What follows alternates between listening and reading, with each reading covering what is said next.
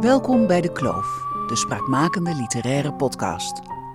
Acht auteurs schreven een monoloog geïnspireerd op één thema, waarna regisseurs Hanneke Hendricks en Niki Padidar deze vorm gaven.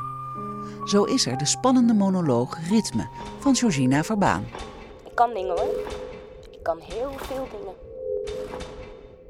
Ik mis Michael. Ja. Ja, jij kent hem niet, maar ik mis hem. Ik heb die lul mijn huis uitgezet. Die klootzak had me in mijn arm gestoken.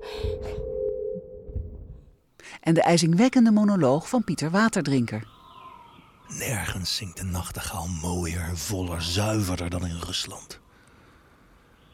Maar dat heb ik niet van mezelf. Nooit ben ik hier weg geweest. Weg uit Rusland. En de intrigerende monoloog van Marja Pruis. Nou zeg, het was gewoon een dolletje. Mensen die zijn zo hysterisch meteen. Die cursusleider, amateur tot en met. Tuut, tuut, een toontje, weet je wel. Alsof ik mijn niet in de hand heb. Meteen dat hysterische.